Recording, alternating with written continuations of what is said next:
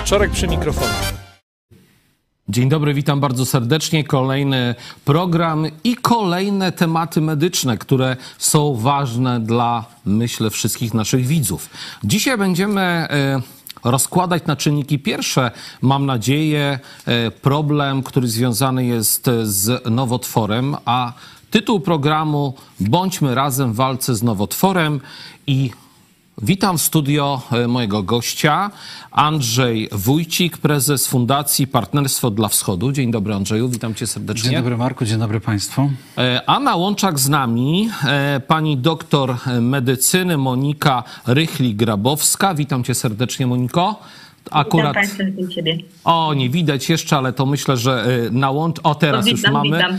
Witam Moniko. I na drugich łączach, nazwijmy to w ten sposób, e, pani e, Jola e, Suchodolska, która reprezentuje Laboratorium Medyczne Genomika, a, a Jola jest analitykiem, analitykiem medycznym, która ma skończoną specjalizację z analizy klinicznej pierwszego stopnia. Proszę mnie poprawić, Jolu, jeżeli coś pomyliłem, czy nie? Analityki klinicznej. Specjalizacja z analityki klinicznej. O, i już mamy wszystko wiadomo, a y, co i jak. Drogie panie, zazwyczaj powinienem zacząć od kobiet, bo wiadomo, że kobiety w naszym polskim społeczeństwie i w mojej osobistej kulturze też mają pierwszeństwo, ale dzisiaj, wybaczcie, zapytam mojego e, gościa w studio e, jako, jako pierwszego. Andrzeju, będziemy dzisiaj rozmawiać o właśnie o walce z nowotworem.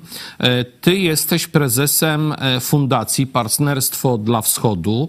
E, Od kiedy fundacja działa? Kogo reprezentuje? Czym się zajmuje? Żebyśmy uzmysłowili naszym widzom na te wszystkie jakby powiązania i dlaczego dzisiaj się spotykamy.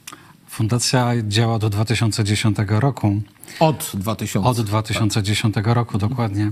E, Natomiast ja przewodzę i zajmuję się fundacją dopiero od ubiegłego roku. E, Wcześniej fundacja zajmowała się integracją społeczeństwa, głównie za wschodniej granicy, e, takich jak Mołdawia czy Ukraina, czy, czy nawet były zakusy również o Białoruś ze względu na zmiany polityczne, ze względu na zmiany ekonomiczne w tym rejonie. A z racji tego, że fundator, pan Eugeniusz Pochmara, no, musiał jakby zrezygnować z działania, przejąłem stery i w okresie jakby po-covidowym e, tutaj skupiłem się na kwestii pomocy z zakresu właśnie walki z chorobą, która została potraktowana trochę po macoszemu w okresie covidu. A mm, stąd też właśnie akcja... mówisz o walce z rakiem. Mówię że tutaj, jakby tak, trochę jest. o tym zapomniano, tak? Skupiono się na, na, na covid Może nie tyle zapomniano, co wymusiła sytuacja em, społeczna i ta medyczna. mm, Izolacja i brak możliwości bezpośredniego kontaktu z, z pacjentem e, i postawienie na pierwszym jakby froncie działania, działań medycznych walkę z COVID-em. Stąd też właśnie pomysł, e, żeby dokonać takiego przesiewowego badania mm, ludności na obecność markerów nowo- nowotworowych układu pokarmowego. Nie bez kozery skupiłem się na układzie pokarmowym. E, Są dwa do tego podstawowe przyczynki. Mm, Pierwszym jest to, że jakby historycznie jest to mi bliższy temat, bo mój ojciec zmarł na nowotwór e, wątroby, stąd też e, ta sytuacja jest mi dość bliska. A drugą kwestią jest to, że nie jesteśmy fizycznie w stanie wykonać wszystkich markerów, em, chociażby ze względów finansowych. E, Dlatego trzeba się skupić, ale na o, jakichś popiecz, znaczy kilku powiedzmy markerach, e, żeby mm, by sprawdzić, czy, czy to ta możliwość zachorowania jest, tak? E, Skupiliśmy się, no ale nie na kilku. To mamy aż sześć markerów. To nie jest małe badanie. To jest dość skomplikowane badanie, dość szeroko do tego tematu podeszliśmy. To jest sześć markerów nowotworów układu pokarmowego, tak naprawdę całego układu pokarmowego.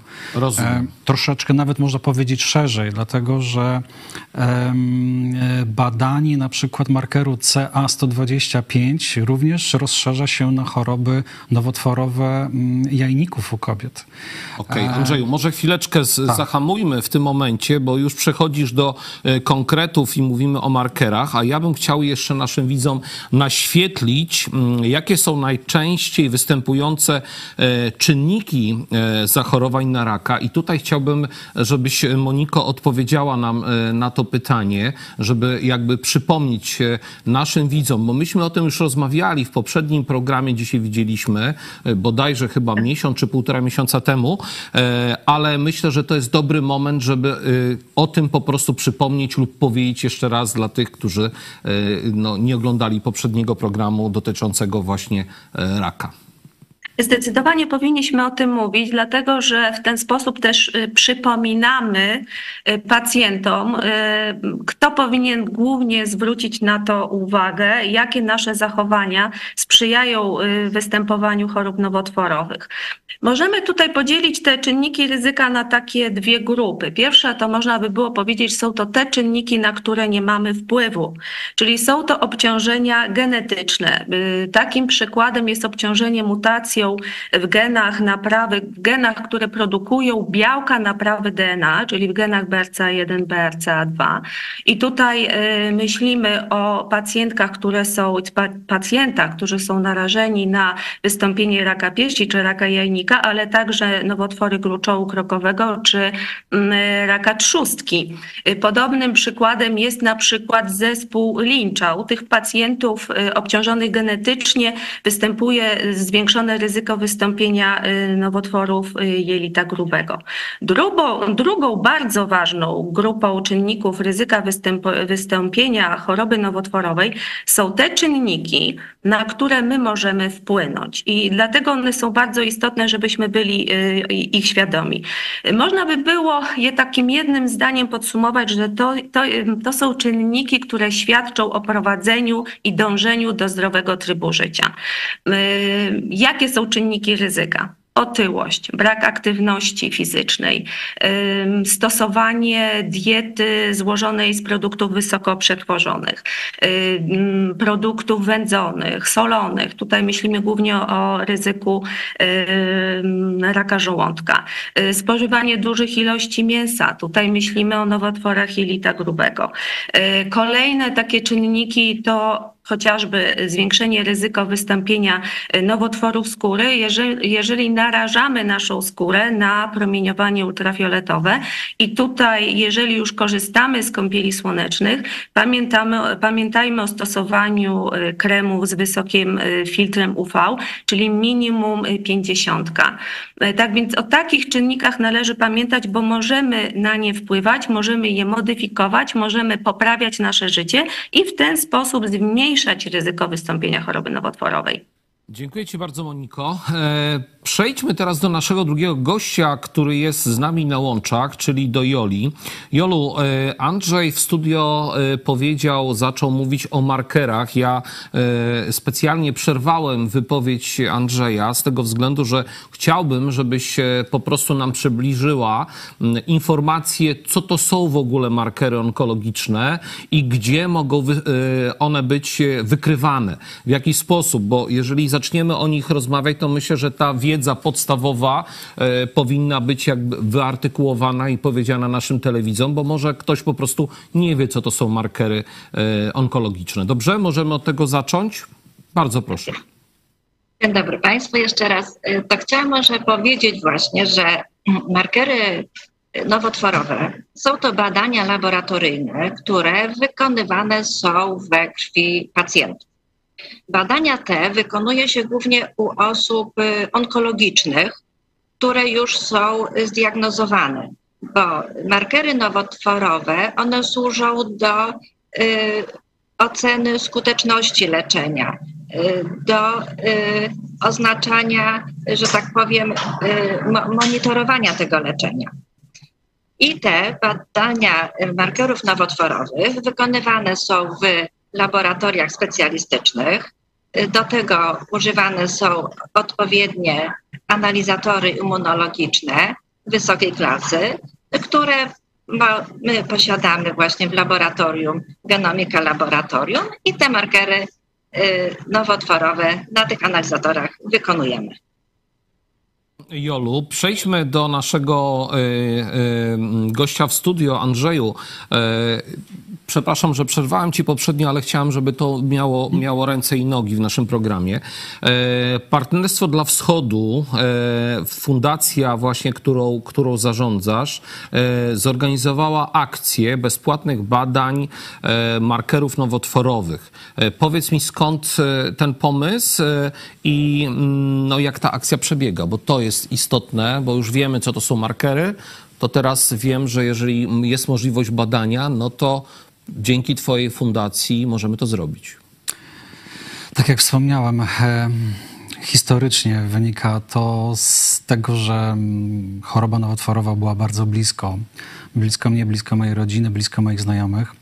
E, wielu osób e, dotyka ta choroba i spotykamy się niestety z nią na co dzień. E, z racji tego, że jednocześnie jestem udziałowcem genomiki, mam też kontakt z dostawcami urządzeń, jak i również z dostawcami mm, odczynników.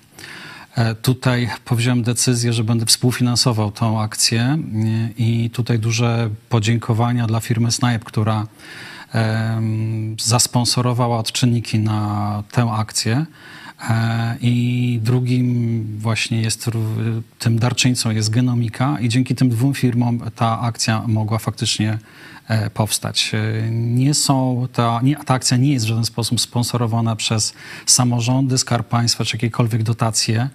Tylko inicjatywa to, po prostu to fundacji. Jest to inicjatywa nasza temu, własna. Że, że tak. współpracujecie. Tak, tak. Okej, okay, dobrze, to mamy, mamy już odpowiedź na to pytanie, ale e, ja teraz bym się chciał e, dowiedzieć, Moniko, do ciebie jako do onkologa, bo markery oczywiście są bardzo istotne, ale mm, czy... E, jak mówimy na, na sprawdzanie onkologiczne, czy jest coś, co jeszcze może bardziej diagnozować e, właśnie e, tę chorobę nowotworową? Moniko, e, czy poza markerami możemy jeszcze skorzystać z czegoś? No tutaj to zgodnie z moją przedmówczynią y, zdecydowanie należy podkreślać to, że markery nowotworowe to nie jest nie są wykładnikiem rozpoznania choroby nowotworowej. Jest to bardzo ważna uwaga, bo zgłaszają się do nas pacjenci, którym, którzy mają nieprawidłowy poziom tych markerów i już są zaniepokojeni, że jest to równoznacznie z rozpoznaniem raka, tak to nazwijmy. Tak nie jest.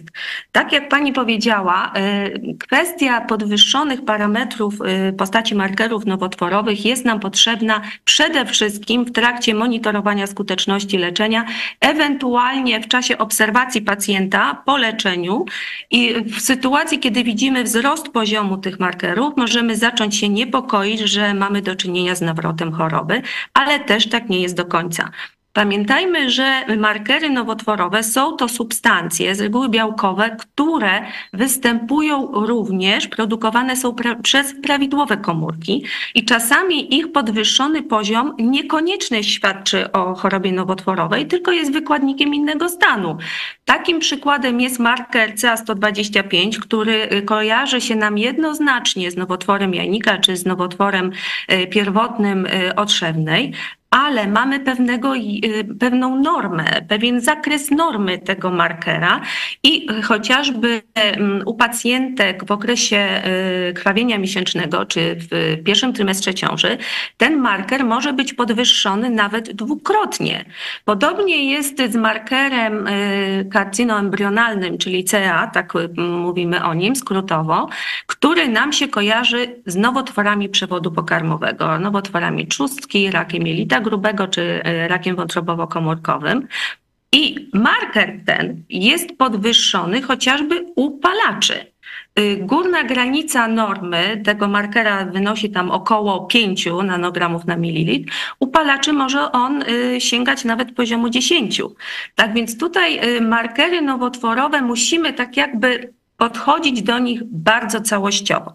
Jeżeli chodzi o rozpoznanie choroby nowotworowej, to tutaj tak jakby od początku patrząc na pacjenta. Pierwsza rzecz to jest wywiad, jakie zgłasza nam dolegliwości. Druga rzecz to jest badanie fizykalne, co nas mm, zaniepokoi. Trzeci etap to na podstawie wywiadu i badania fizykalnego kierujemy pacjenta na określone badania obrazowe, które są nam w stanie pokazać, gdzie jest ta zmiana, która może budzić podejrzenie choroby nowotworowej. I to dalej jest mało.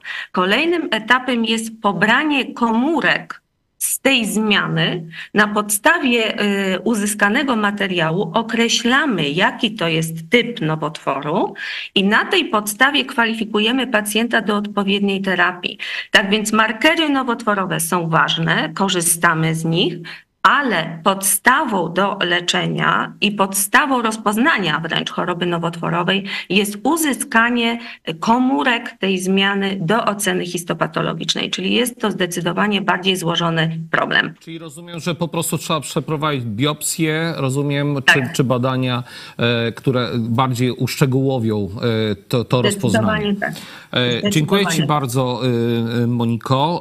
Jolu, teraz do Ciebie. W laboratorium, którym e, przeprowadzacie właśnie badania za pomocą markerów, e, no właśnie, jakie markery badacie e, i akurat dlaczego te? Więc może zacznę od tego, że w naszym laboratorium genomika mamy bardzo szeroki zakres wachlarz badań laboratoryjnych. Wykonujemy różne markery nowotworowe.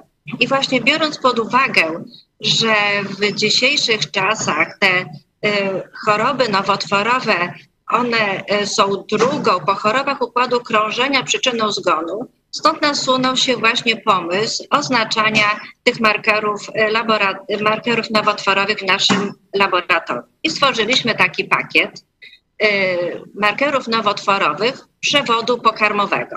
A dlaczego przewodu pokarmowego? Dlatego przewodu pokarmowego, gdyż on obejmuje większość narządów naszego organizmu i w ten sposób taki nam daje wgląd y, całościowy y, funkcjonowania tych y, narządów. Do markerów tych nowotworowych, między innymi w tym pakiecie, oferujemy między innymi właśnie AFP 19,9, y, CA50, 72,4. Jak wcześniej właśnie było wspomniane, również dodaliśmy CA125, żeby taki był szerszy zakres monitorowania. I są to markery nowotworowe, które y, są y, wykonywane przy między innymi nowotworach raka wątroby, trzustki, jelita, y, grubego, odbytu, żołądka.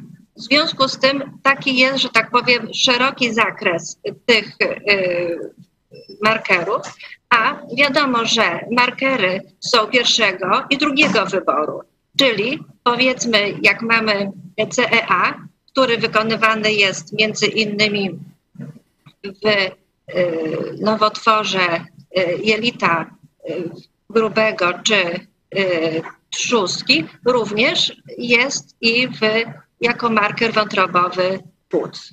W związku z tym tak chcieliśmy całościowo podejść do tego tematu. I bardzo Ci dziękuję, Jolu. W takim razie no, rzeczywiście to e, bardzo kompleksowo jest po- podejście. Andrzeju, e, to teraz do Ciebie wracamy i powiedz mi tak.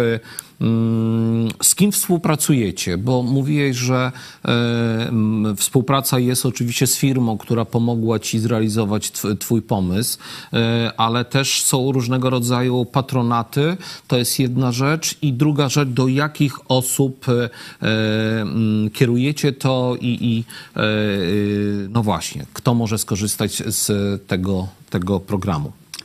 E, Zacznę od tego, że akcja jest pod patronatem prezydenta miasta Lublina, doktora Krzysztofa Żuka. E, Natomiast e, współpraca nasza to głównie współpraca z placówkami podstawowej opieki zdrowotnej. E, Ja do dzisiaj apeluję i do dzisiaj zapraszam lekarzy do współpracy z fundacją, chociażby z tego względu, że założenie miało być takie, że z dwóch tysięcy badań, które przeznaczamy dla rzecz Lubelszczyzny, tysiąc wykona genomika, a tysiąc wykonają pozostałe POZ. Innymi słowy, genomika nie jest w stanie pobrać materiału od więcej ilości osób. Czyli rozumiem, że tutaj e, będzie, chciałbyś się zwrócić e, za pomocą nawet naszej stacji Tak, telewizyjnej. oczywiście do tego- zapraszamy wszystkich do No współpracy właśnie. w tym Tutaj zakresie. jest kamera, słuchaj, myślę, że tak bardzo prosto. E, Andrzeju, Zapraszamy wszystkich lekarzy do współpracy. Tak jak powiedziałem, jest to nieodpłatna całkowicie akcja. Chcemy pomóc tym ludziom, chcemy pomóc też POZ-om. Każdy POZ ma u siebie pacjentów zagrożonych, którzy mają określoną historię chorobową, których warto przebadać również pod tym kątem. E, Zaczę, za, również zapraszamy wójtów, burmistrzów miast e, do wsparcia tej akcji.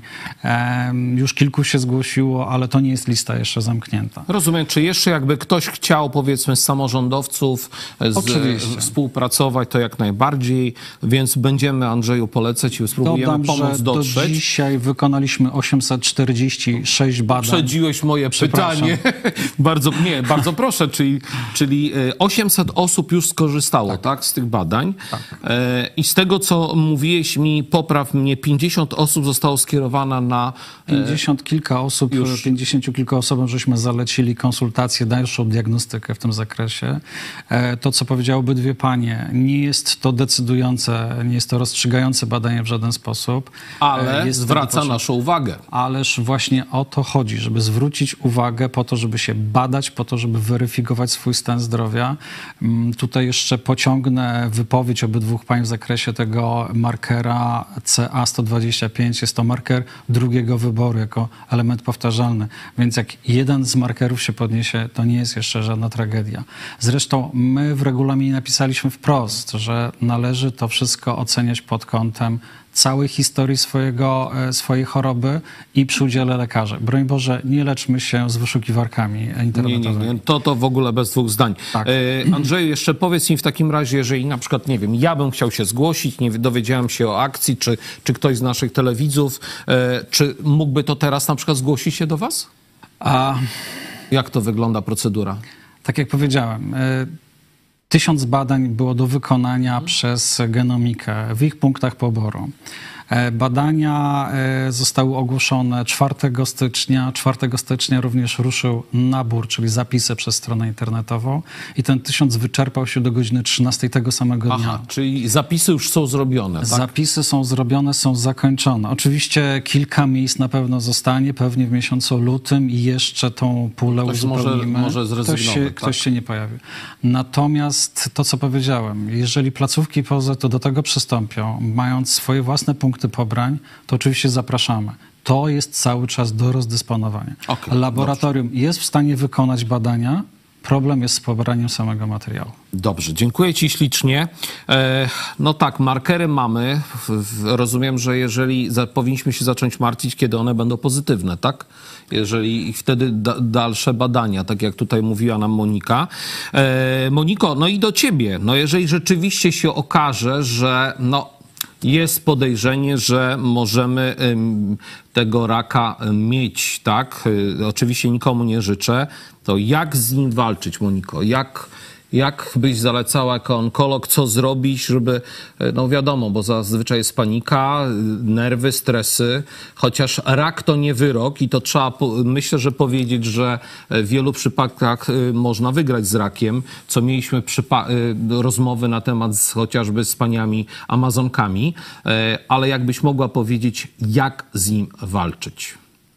Jeżeli chodzi tutaj o możliwości terapii, to onkologia naprawdę y, rozwija się bardzo dynamicznie i y, możliwości terapii są ogromne. Jeżeli już mówimy o nowotworach, y, o guzach litych, o których się dzisiaj skupiamy, to oczywiście zawsze pamiętajmy o chirurgii. To jest jedna z podstawowych metod leczenia. Jeżeli oczywiście tą, to, tę, tą zmianę, ten nowotwór możemy usunąć radykalnie, możemy usunąć w całości.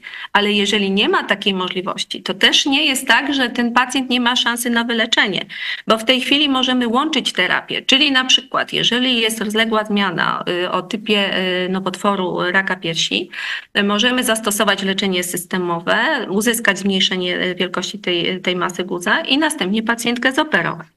Są takie sytuacje, kiedy pomimo nawet możliwości, y, nie mamy możliwości inaczej uzyskania na tyle dużej odpowiedzi, żeby pacjenta zoperować. Są takie stopnie zaawansowania, chociażby nowotworów płuca, kiedy nie mamy szansy na leczenie operacyjne, ale możemy zastosować y, terapię, tak nazwijmy to zastępczą, chociaż na pewno radioterapeuci nie będą zadowoleni, jak usłyszą to hasło, bo to jest bardzo y, dobra metoda, która y, powiedzmy zastępuje nóż chirurgiczny. Kolejna rzecz, mamy takich pacjentów, u których ym, no, nie możemy y, choroby wyleczyć, tak to nazwijmy, chirurgicznie, ani przy zastosowaniu radioterapii, ale to też ich nie skazuje na to, że ta choroba nie może być opanowana, nie mamy szansy na przedłużenie im życia. W tej chwili, jeżeli chodzi o możliwości terapii systemowej, tej, ten panel jest przebogaty. Mamy oczywiście do dyspozycji chemioterapię, którą stosowaliśmy i stosujemy nadal z dobrym efektem, ale mamy też nowe terapie. Terapia ukierunkowana molekularnie, terapia przełomowa, dlatego że poszukujemy w komórkach nowotworowych odpowiednich, tak to nazwijmy, mm, odchyleń, nieprawidłowości genetycznych, dla których mamy celowane terapie. No coś doskonałego. Są fantastyczne wyniki, jeśli chodzi o stosowanie y, terapii celowanej, y, czy w czerniaku, czy w nowotworach y, płuca. Tutaj to jest naprawdę ogromny przełom. Kolejna rzecz, immunoterapia. To jest doskonała terapia. Wykorzystujemy zdolności immunologiczne własnego naszego organizmu, czyli tak go e, przygotowujemy, korzystamy z tego potencjału, żeby organizm sam zwalczał chorobę nowotworową.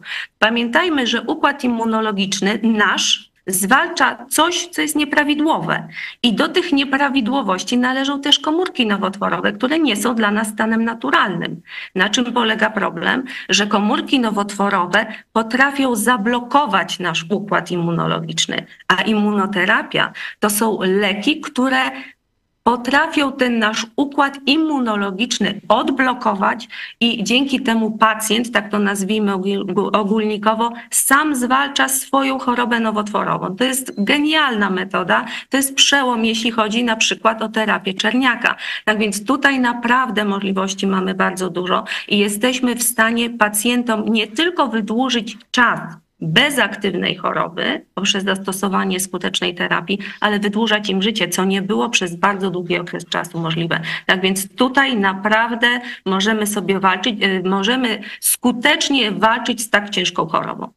Dziękuję Ci bardzo. No to e, naprawdę e, powiew świeżości i optymizmu e, wlałaś do dzisiaj naszej, do naszej mm, rozmowy.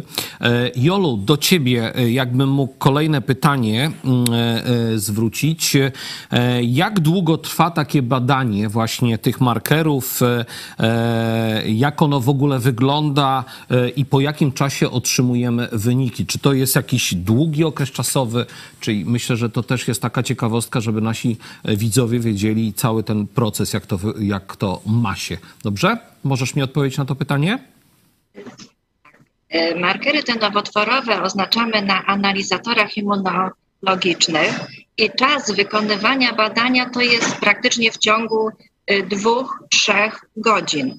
Bo taki czas inkubacji tej metody to jest około 40 minut i jeśli pacjent zgłosi się do nas rano, tego samego dnia e, wieczorem będzie już miał wykonany ten cały pakiet e, markerów nowotworowych. Jest w ciągu jednego dnia. Rozumiem.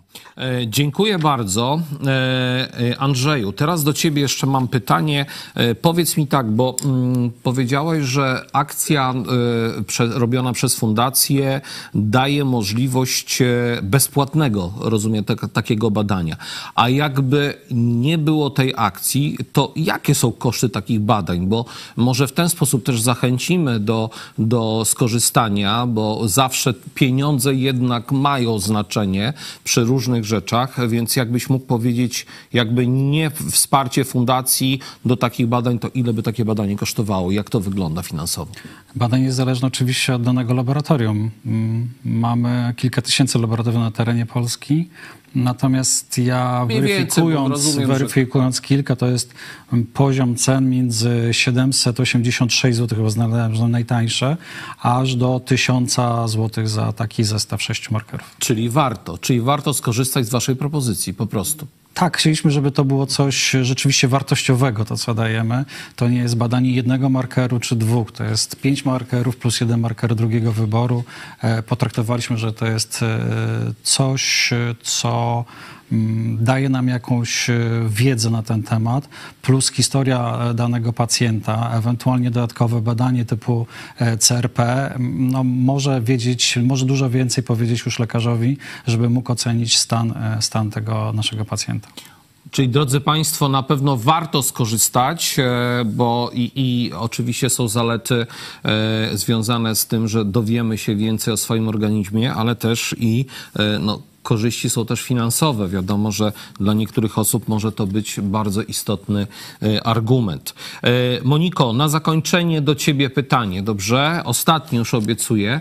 E, mm, Powiedz mi, czy jest coś takiego jak profilaktyka w ramach onkologii? Czy rzeczywiście można przeprowadzać jakieś badania? Czy można by na przykład, nie wiem, odwiedzać onkologa, tak, żeby no, jakby sprawdzać się, czy te, coś u nas występuje? No, załóżmy, zrobimy badanie, nie ma, ale po jakimś czasie. Czy, czy jakaś profilaktyka właśnie występuje? Znaczy powiem tak, to jest bardzo ważne zagadnienie i myślę, że tutaj e, warto o tym wspomnieć. Jeżeli chodzi o profilaktykę prowadzoną przez onkologów i tutaj w porozumieniu z poradnią genetyczną, dotyczy ona przede wszystkim pacjentów z grupy najwyższego i wysokiego ryzyka wystąpienia choroby nowotworowej, czyli albo obciążonych mutacjami, które sprzyjają wystąpieniu e, choroby nowotworowej, czy tam zespołem genetycznym, który e, wiąże się z, z podwyższonym ryzykiem wystąpienia chorób nowotworowych. To jest jedna grupa pacjentów. Druga grupa pacjentów, którzy nie mają stwierdzonej takiej mutacji, ale wywiad rodzinny jest obciążający, czyli w rodzinie tych pacjentów u krewnych pierwszego stopnia, czyli rodzeństwo, rodzice, ro, y, rodzeństwo y, rodziców, występują często nowotwory. Tutaj też bierzemy oczywiście pod uwagę, jakiego typu są to nowotwory i ci pacjenci są prowadzeni właśnie w poradni onkologicznej lub w poradni genetycznej.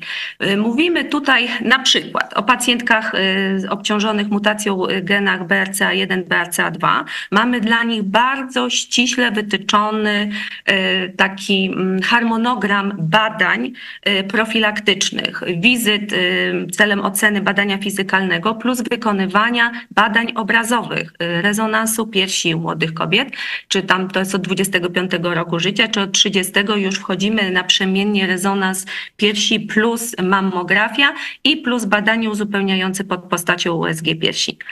Jeżeli chodzi o populację, mm, pac- y, nie pacjentów, tylko ludzi zdrowych, tutaj chciałabym zwrócić uwagę na to, co, o czym wspominał pan Andrzej. Lekarze rodzinni. To jest bardzo ważna rzecz, żeby lekarze rodzinni pamiętali o dobrym zbieraniu wywiadu i wtedy ewentualnie wychwytywaniu tych, y, tych osób, tych pacjentów, których powinni po, pokierować do poradni genetycznej czy właśnie do onkologa, ale także druga rzecz, kierowanie pacjentów na programy profilaktyczne, o których wspominaliśmy podczas ostatniego y, programu. Te wszystkie y, programy, oferty, które są sponsorowane, tak to nazwijmy, przez Ministerstwo Zdrowia, mamy wymienione na stronie Ministerstwa Zdrowia, czyli mówimy o profilaktycznej mammografii, cytologii, o nisko-dawkowej tomografii emisyjnej płuc y, dedykowanej dla pacjentów palących papierosy, bo to jest bardzo ważny czynnik y, ryzyka nowotworów, o którym zapomniałam, a to jest po prostu numer jeden, jeżeli chodzi o czynnik y, ryzyka wystąpienia choroby nowotworowej. Tak więc pamiętajmy o wywiadzie, pamiętajmy o tym, że ci pacjenci, jeżeli tylko coś niepokojącego się dzieje, tak, co ich zaniepokoi, powinni się kierować do lekarzy rodzinnych, ale y, także, żeby byli wyczuleni i korzystali właśnie z tych naszych programów profilaktycznych, dzięki którym możemy wykryć no, nowotwór na jak najwcześniejszym etapie. Oczywiście, jeżeli pacjent wykona sobie badanie y, oceniające poziom markerów nowotworowych i ten poziom go zaniepokoi, także zapraszamy. Lekarz onkolog jest po to, żeby przeanalizować te y, wyniki badań, na podstawie tego, jak one wyglądają, zaproponować odpowiednie badanie diagnostyczne i oczywiście uspokoić pacjenta, żeby powiedzieć, że to nie jest od razu jednoznaczne z rozpoznaniem choroby nowotworowej. Rak Tłumaczymy pacjentowi, jak to wygląda. Tak, zdecydowanie tak. Czyli rak to nie wyrok. E, dziękuję Ci, Moniko, bardzo za wypowiedź. E, Pytań by było jeszcze, myślę, mnóstwo, ale e, tak zastanawiałem się, bo przygotowałem jeszcze parę dla Was, ale myślę, że to będzie dobry moment jednak, żeby e, mm, zakończyć program, zostawić taką e, jeszcze chwilę do zastanowienia naszym, naszym telewidzom. E, wrócimy jeszcze na pewno do tego tematu, drodzy Państwo, bo to jest e, cały czas nurtujący temat naszych telewidzów i są zapytania właśnie, żebyśmy o tym rozmawiali.